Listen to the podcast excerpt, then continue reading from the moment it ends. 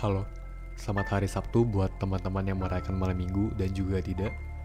Gua Adrian dari podcast Sudut Curhat dengan bacotan topik ringan yang akan menemani lu dalam beberapa waktu ke depan.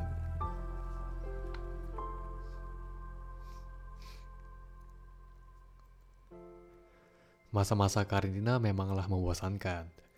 Tapi siapa yang bisa prediksi kalau di saat karantina kita akan menemukan seseorang yang bisa membuat kita melewati hari-hari karantina menjadi lebih cepat. Tapi seseorang itu apakah menjadi seseorang yang akan bersama kita atau tidak, itu pilihan masing-masing.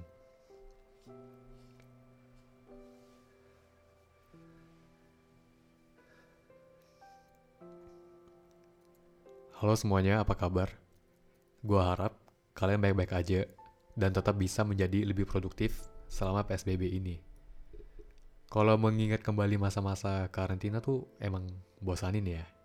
Masa-masa di mana kita nggak bisa keluar sama teman, nggak bisa ketemuan, nggak bisa nongkrong bareng, nggak bisa ngerjain tugas bareng, dan lain-lain lah. Kalaupun ketemu, semuanya tuh serba virtual.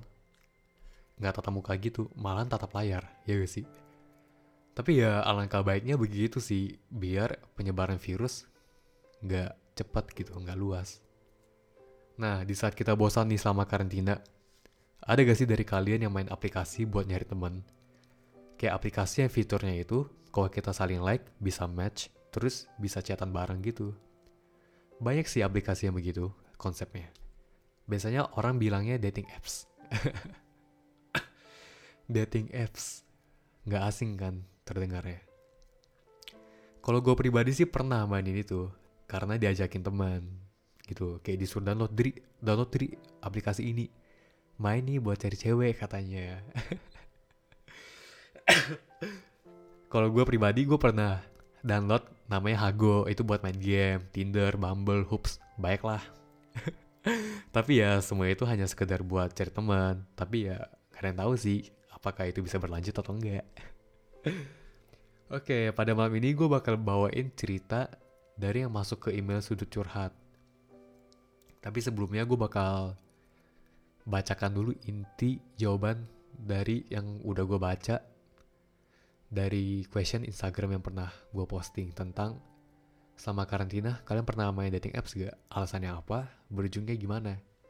Dari yang gue baca-baca sih semuanya itu intinya cuma satu sih, yaitu iseng doang hanya buat ada yang bilang buat bertukar pikiran wah itu keren sih benar-benar jadi kayak nggak cuma buat kenal-kenalan doang tapi ya bisa deep talk mungkin ya sama orang baru.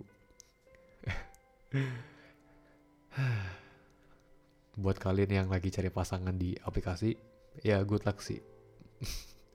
Karena dari jawaban-jawaban yang gue dapat ada ada orang yang benaran untuk cari pasangan. Tapi ya berujungnya nggak jelas katanya. Katanya di antara dia yang ghosting atau enggak dia di ghosting. Atau enggak sama-sama ghosting. Narik ulur gitu loh ya tapi pada intinya ya semuanya cuma iseng doang. Oke mungkin sekian dulu. Mungkin gue langsung masuk aja ke ceritanya. Cerita ini berasal dari Ella nama yang udah disamarkan sesuai permintaan yang bercerita. Jadi Ella ini ceritanya tentang sesosok orang yang dia ketemu selama karantina melalui dating apps. Selama karantina, Ella baru akhirnya coba download dating apps yang berhubungan sama Snapchat. Di mana kalau kita match, bisa langsung add ID Snapchat masing-masing gitu. Nah, berlanjut dari sana, alasan Ella download app itu biar buat iseng-iseng doang, for fun aja gitu karena dia juga beralasan katanya disuruh sama temannya juga jadi kayak bisa saling sharing gitu eh gue ada match sama ini nih eh gue ada match sama si dia katanya sih gitu ya terus ada satu waktu Ella ketemu satu cowok terus match nih dan berlanjut di Snapchat seperti yang gue bilang dari awal appsnya itu bergantung sama Snapchat singkat cerita selama udah satu bulan mereka chat Ella cuman ya nganggapnya teman stranger buat fun aja gitu. Bukan siapa-siapa dulu. Karena ya emang mereka cuma virtual kan. Ella sendiri juga sibuk kuliah. Tapi ya tanpa Ella sadari katanya, si cowok itu tuh ternyata bakalan menjadi sesosok orang yang dipikirin tiap malam. Penasaran gak kenapa bisa begitu? Oke, singkat cerita kenapa bisa gitu, setelah chat sebulanan tanpa arah, Ella cerita kalau ada satu waktu di saat Ella udah selesai belajar sampai subuh jam 3an gitu katanya. Jam 3an subuh belajar gila. Gue sih nggak pernah seambis itu sih. Oke lanjut. Terus Ella mau tidur kan. Tapi sebelum tidur dia tuh sempat sempatin dulu buka Snapchat buat balesin si cowok itu. Nah ternyata si cowok itu langsung respon chatnya. Terus cowok itu langsung tanyain lagi apa. Langsung juga dibahas lagi sama si cowok itu lagi bosan nih kolan yuk si Ella langsung kaget dong di ceritanya Ella nyampe shock gitu katanya lebay nih Ella nih karena Ella nggak pernah sekalipun tiba-tiba diajak kolan dengan vibe setengah malam katanya katanya tuh kayak love story anak zaman sekarang asik Ella dan si Ella langsung mikir ini, orang waras gak sih karena dia mikir aneh juga gak sih nggak ada angin nggak ada hujan tiba-tiba diajak call subuh-subuh. Kalau lu pada gimana tuh? Diajak call subuh-subuh sama stranger. aneh gak sih? Kalau gue sih aneh sih. Dan posisinya Ella ini belum pernah ketemu dan juga belum follow-follow IG karena corona kan gak bisa ketemu gitu. Tapi kalau gue pribadi sih mungkin gue bakal follow-follow IG dulu kali ya. Baru gue ajak pindah ke lain. Itu kalau gue pribadi sih. Gak pernah dari yang cuma chat apa arah tiba-tiba random masuk ajak call tengah malam bukan tengah malam bahkan subuh subuh gila oke lanjut nah terus si cowok itu minta ID lan dia dan Ella ngasih kan dengan alasan Ella selalu senang communicate sama siapa pun untuk bikin pertemanan dia makin luas gitu katanya. Tapi si Ella udah bilang dalam hati kalau dia udah ngomong ngelantur dan gak jelas dia akan langsung matiin callnya. Ya bener sih gue setuju sama dia. Karena stranger kan gak ada yang tahu dia tuh orangnya tuh gimana. Siapa siapa, siapa tahu aneh-aneh gitu kan ya.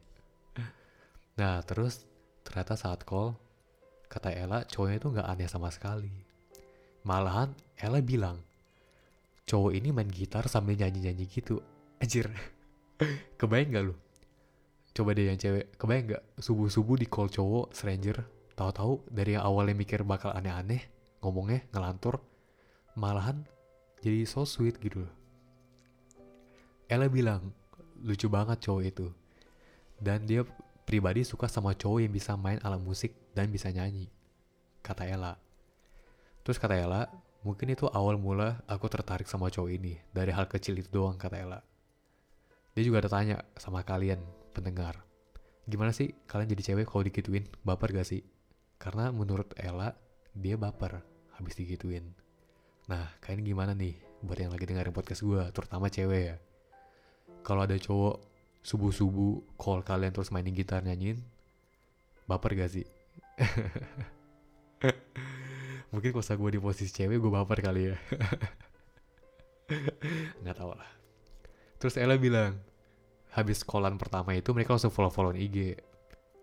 Terus Ella bilang, dari situ langsung lanjut chatan di line cowok ini kayak sering ngabarin dia lagi di mana, lagi ngapain, cerita-cerita tentang sekolah dia dan lain-lain. Oh, cerita-cerita tentang sekolah berarti yang gue tangkap ini si Ella ini kan tadi bilang dia sibuk kuliah.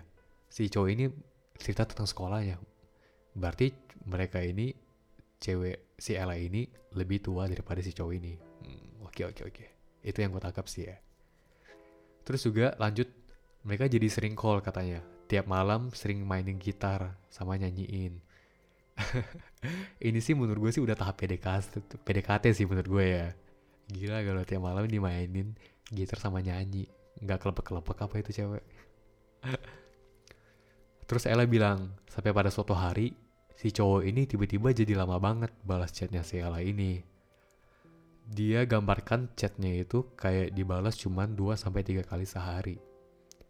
Cuman ya si Ella awalnya bersikap biasa aja dan juga berusaha untuk nggak terlalu berpegang pada cowok itu. Nah, ada satu hari, kata Ella, dia bilang, kalau cowoknya itu tiba-tiba bilang, kalau dia itu lagi jarang main HP. Tanpa si Ella nanya, kenapa alasan dia cuek gitu. Terus si Ella pun iyain aja dan mencoba untuk ngertiin alasan itu. terus Ella bilang semenjak itu chat dia sama cowok itu tuh kering banget kayak udah nggak sefun awalnya dan Ella sendiri bilang dia masih nggak tahu alasan sebenarnya itu apa kalau menurut gue sih iya sih agak aneh sih alasannya begitu. Alasan? Gue malas main HP alasan apa sih? Nggak masuk akal banget sih menurut gue ya gak sih? Kalau menurut kan gimana? Aneh gak sih alasan begitu? Kalau udah ada orang yang beralasan begitu itu sih patut dicurigain sih. Menurut gue sih gitu ya. Nggak logis aja menurut gue lagi malas main HP di saat karantina anjir. Terus main apa petak umpet. Boleh bekel. Oke lanjut. Nah ternyata si Ella bilang temannya itu dek, teman dekatnya Ella kita sebut aja X. Tiba-tiba ngechat dia kalau ternyata si cowok ini chatan sama cewek lain. Nah X ini digambar sama Ella itu teman dekat dia yang sama-sama download aplikasi. Dan sering cerita bareng gitu katanya. Terus Ella bilang kenapa si X ini bisa tahu karena ini agak agak pusing ini agak pusing sih kayak si X ini punya teman si Y. Nah si Y ini punya teman si Z. Nah Z ini yang lagi chatan sama cowok itu gitu. Pusing gak? Gua harap sih enggak ya. Gua harap kalian tangkap sih. Nah, dari situ Ella langsung mikir, oh, ya udah mungkin alasan si cowok ini jadi berubah jauh dari yang awalnya seru dan lain-lain. Tiba-tiba jadi nggak seru, mungkin karena lagi chatan sama cewek ini gitu. Gue masih nggak bisa pikir ya, sesempit itu sih dunia, ya gak sih? Oke lanjut. Terus Ella cerita, di saat itu dia langsung sedih banget. Tapi ngakak juga. ngakak kenapa? Karena dia juga sependapat sama gue.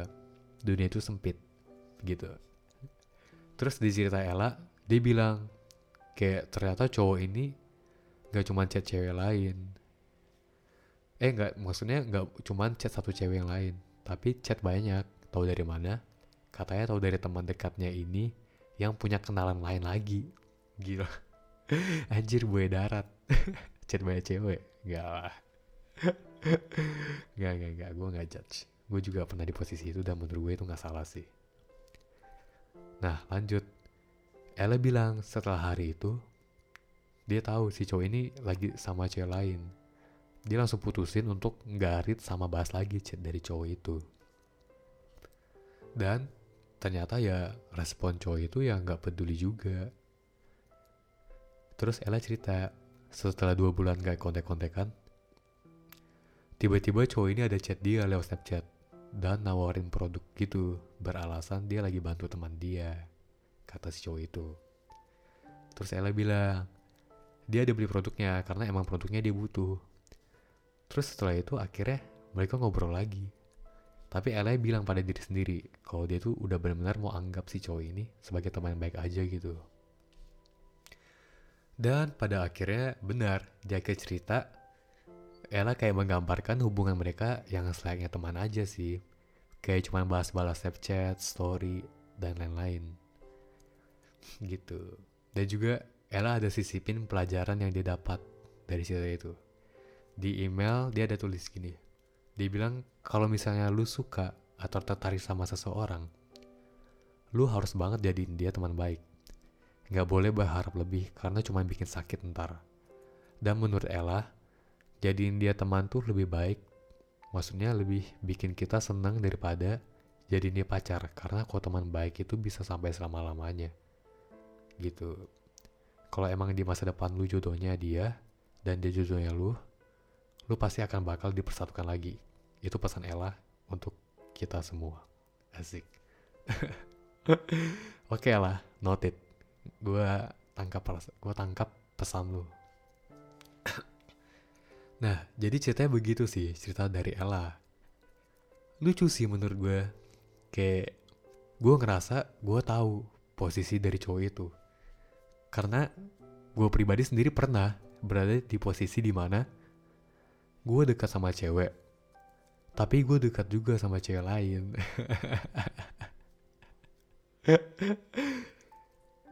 Terus bukannya playboy sih ya, cuman kayak dekat aja. Jadi ya dekatnya tuh dekat sewajarnya, bukan yang hari pertama gue jalan sama si A hari kedua gue jalan sama si B hari ketiga sama C hari keempat sama D. Gak gak gitu. Jadi kayak ya sewajarnya saling kenal main bareng. Kayak buat bisa tahu gitu orang yang kita dekat itu sifatnya itu gimana. Kebiasaan dia tuh apa buruknya itu apa bagusnya tuh apa gitu loh. Jadi ya menurut gue sih harus memilih sih mana yang tepat untuk kita gitu. Gue nggak gue nggak melarang sih orang untuk dekat lebih dari satu orang. Bahkan kalau lebih dari dua orang juga nggak apa-apa gitu loh. Setuju gak sih? Apa nggak setuju nih sama gue terus juga gue mau tambahin gue pribadi tuh nggak terlalu berharap untuk ketemu seseorang yang akan nemenin kita tiap hari dari app begitu. Karena menurut gue sekedar fun aja chat-chat sebentar terus kalau ketemuan ya ketemu ngobrol-ngobrol main. Jangan terlalu cepat untuk menangkap perasaan sih. Tapi nah ada sih skema di mana menurut gue cowok ini bisa buat ceweknya tuh menangkap perasaan. Di mana anjir keren banget subuh subuh bisa call terus nyanyiin lagu sambil gitaran. Gue masih agak kaget sih dengernya kayak ini tipe tipe apa ya tipe idola gimana sih bilangnya? Idola para wanita gak sih? Subuh subuh dinyanyiin sambil main gitar anjir adem banget. Mungkin kalau dari pandangan cewek itu pasti bikin melting gak sih? Jadi ya wajar menurut gue Ella langsung bisa punya ketertarikan lebih untuk dia. Gue gak tau sih gue sendiri yang cowok aja ngerasa gitu. Iya gak sih gue sendiri yang cowok ngerasa gitu gitu loh. Anjir. Karena di saat lu belum kenal siapa cewek itu terus tiba-tiba ajak call terus nyanyiin lagu dan lain-lain anjir berani banget. Kalau gue pribadi sih di saat gue ngajak cewek kenalan gue sih nggak berani langsung ajak call ya. Gue pengen ngajak mungkin main gitu ya. Main sama teman-temannya atau teman gue atau enggak ya sekedar chat-chat aja. Nggak sampai call terus nyanyiin gitu gue pribadi nggak bisa nyanyi sih oke lanjut tapi ada juga yang gue bingung dari cowoknya kenapa cowok itu nggak memperjuangkan si Ella. Kalau tiap hari mereka udah callan dan bahkan bikin baper si Ella ini. Ini Ellanya sendiri bilang dia udah baper loh. Gitu loh, itu gue bingung sih kenapa. Apa mungkin bagi dia call nyanyiin dan lain-lain itu hal biasa yang dilakuin ke semua teman ceweknya? Atau mungkin cowok ini punya banyak backupan? Gitu. Backupan dalam arti gue tuh nggak ngerasa backup itu buruk ya sekali lagi gue bilang itu tuh nggak salah asalkan jangan dibikin baper parah kayak chatnya intens call intens ketemu intens ya itu kalau misalkan udah lebih dari satu orang ya menurut gue gue kurang setuju cara PDKT yang begitu. Ya gimana ya di saat lu udah dekat sama orang tapi dia udah baper karena mungkin kita punya sesuatu yang bikin dia tertarik terus lu nya biasa aja ya lu harus jelasin sih ke dia. Kalau gue pribadi sih gue bakal jelasin sebelum gue pergi gitu loh. Sebelum gue memutuskan untuk stop untuk dekat gitu misalkan lu mau menjauh ya lu jelasin kenapa sih? Kenapa lu menjauh? Apakah ada nggak kecocokan atau apakah ada masalah gitu loh? Ya gak sih? Dan juga dari ceritanya mungkin yang gue tangkap itu emang niatan cowoknya itu dari awal buat download itu buat nyari teman aja buat nyari teman ngobrol. Dan gak mengharap dan gak mengharapkan ataupun mencari pasangan. Itu yang gue tangkap sih dari ceritanya si Ella. Mungkin cowoknya bertujuan ya sekedar iseng doang lah. Kayak malam-malam swipe swipe swipe match match chat chat kenalan kenalan ngajak ngobrol bertukar pikiran. Ya gitu doang sih menurut gue ya. Sama sih kayak Ella tujuannya iseng doang. Tapi di ceritanya Ellanya udah tertangkap perasaan duluan gitu. Ya kalau gue boleh kasih saran untuk Ella jangan terlalu cepat untuk baper sih. Emang susah sih kalau misalkan dibilang jangan terlalu cepat untuk baper karena rasa suka sama rasa tertarik tuh nggak ada yang tahu bisa datang tiba-tiba. Ya gak sih? Tapi ya saran gue itu kalau misalkan si Ella mau denger ya buat lu Ella kalau misalkan mau denger saran gue itu saran gue. Jangan terlalu cepat untuk baper. Mengapa gue saran begitu? Karena dari ceritanya udah tahu gitu loh gue main apps nih chat sama orang dan juga kenalan sama banyak orang. Berarti itu tidak menutup sebuah kemungkinan tidak dan juga tidak menutup tidak menutup sebuah fakta kalau cowok itu juga pasti banyak kenal sama orang baru gitu. Dan juga menurut gue karena lu cewek ya lu coba aja gitu stalk gitu tentang dia lebih dalam. Kalau misalkan lu udah tertarik sama dia karena menurut gue cewek tuh skill stalkingnya tuh kuat banget gak sih? Kayak dalam hitungan waktu yang singkat cewek tuh bisa tahu dia ini temannya siapa tinggal daerah mana silsilah keluarganya dan lain-lain. Cewek tuh udah kayak intel kalau ngestalk orang jalur apa pun dicoba gitu loh. Bener gak sih? Kayak lu pernah gak sih minta bantuan sama teman lu eh lu kenal gak sama si ini? Coba dong lu cari tahu dia itu orangnya gimana sih orang mana tinggal daerah mana. Wah gila. Teman gue yang cewek tuh ada tuh jago banget. Kalau misalkan disuruh stalk. Langsung di, dicari orang yang ngetek dia orang yang tag dia siapa mutualnya siapa siapa aja anjir. Cewek hebat sih kalau misalkan masalah stalk menurut gue. Oke lanjut. Gue ada sih kalimat. Hmm, kalimat gini nih. Gue bisa bilang kalimat ini untuk yang lagi ngerasa PDKT mereka itu nggak tahu arahnya ke mana. Kayak cerita si Ella. Yang berujung ternyata cowok itu memilih cewek yang lain. Oke, gini kalimatnya ya. kalimatnya, kita tuh bukan menjadi satu-satunya bagi dia. Meskipun dianya udah menjadi satu-satunya bagi kita. Maka dari itu, jangan jadikan dia satu-satunya kalau dia sendiri belum bisa memastikan bahwa kita satu-satunya bagi dia. Setuju gak? Itu sih kalimat dari gue yang mungkin cocok di kondisi Ella. Atau kalian yang lagi ngerasain PDKT tapi gak jelas. Terus berubah gitu. Dari yang awalnya asik banget, tiba-tiba menjauh. Biar kaliannya gak terlalu berkecil hati gitu loh. Jadi ya jika dia bukanlah seseorang yang akan bersama kita, ya udah benar kata Ella. Kalau jodoh pasti gak ke mana, ya gak sih? Gue setuju banget sama Ella yang ini. ya gue pribadi ya, kalau gue cerita tentang dating apps, tentang masa-masa karantina, gue ada sih pengalaman pribadi gue sendiri nih. Di mana gue main dating apps, terus gue kenal sama satu cewek dan akhirnya berujung jadian aduh jadi flashback dikit.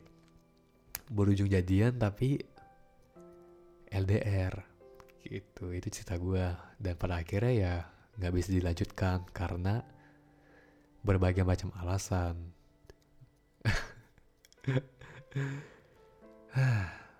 Yang awalnya niatnya untuk cari teman malah jadi pasangan. Tapi sekali jadi pasangan malah menghilang. Anjir, sakit banget. gue jadi curhat nih. Oke, baik lagi deh. Dari ceritanya Ella. Gue senang sih lihat cara bersikapnya Ella. Di mana menurut gue tuh dia tuh gak memaksakan. Gak memaksakan untuk mengejar cowok ini. Gue gak tahu sih alasan dia gak ngejar karena apa mungkin gengsi atau emang orangnya ya udah santai aja gitu. Kalau misalkan emang bukan jodoh ya udah bukan jodoh kata dia. Pada yang kayak di cerita akhirnya gitu kan. Hmm, yang gue lihat sih pada akhirnya Ella bisa menerima dan juga bisa bersikap dewasa sih menurut gue. Di mana dia masih bisa berhubungan baik sama cowok itu. Dan memutuskan untuk bersikap biasa aja. Itu sih yang gue tangkap ya dari cerita Ella kayak bener sih. Kalau misalkan dia bukan jodoh ya udah. Dia tuh bukan satu-satunya ikan di laut. Masih banyak lagi ikan gitu loh. Dan juga mungkin waktunya belum tepat. Karantina tuh emang bosan nih tapi ya menurut gua kalau misalkan lu ketemu sama seseorang jangan lu paksain gitu. Kayak bisa jadi rasa nyaman yang lu rasakan itu karena lu itu lagi bosan atau enggak lu lagi kesepian aja makanya lu ngerasa orang itu kayak anjir orang ini udah nemenin gue tiap hari seru banget asik banget. Padahal bisa jadi itu karena lu tuh nggak ada aktivitas sehari-hari. Makanya aktivitas lu itu cuman dia dia dan dia. Gitu loh. Ngerti gak sih sependapat gue kalau dari gue pribadi sih mungkin alasan gue bisa jadian sama si ini itu karena ya mungkin karena gue juga maksain sih. Karena gue ngerasa kayak mungkin gue kesepian gitu loh. Makanya di saat gue jadian malah nggak maksimal hubungannya gitu.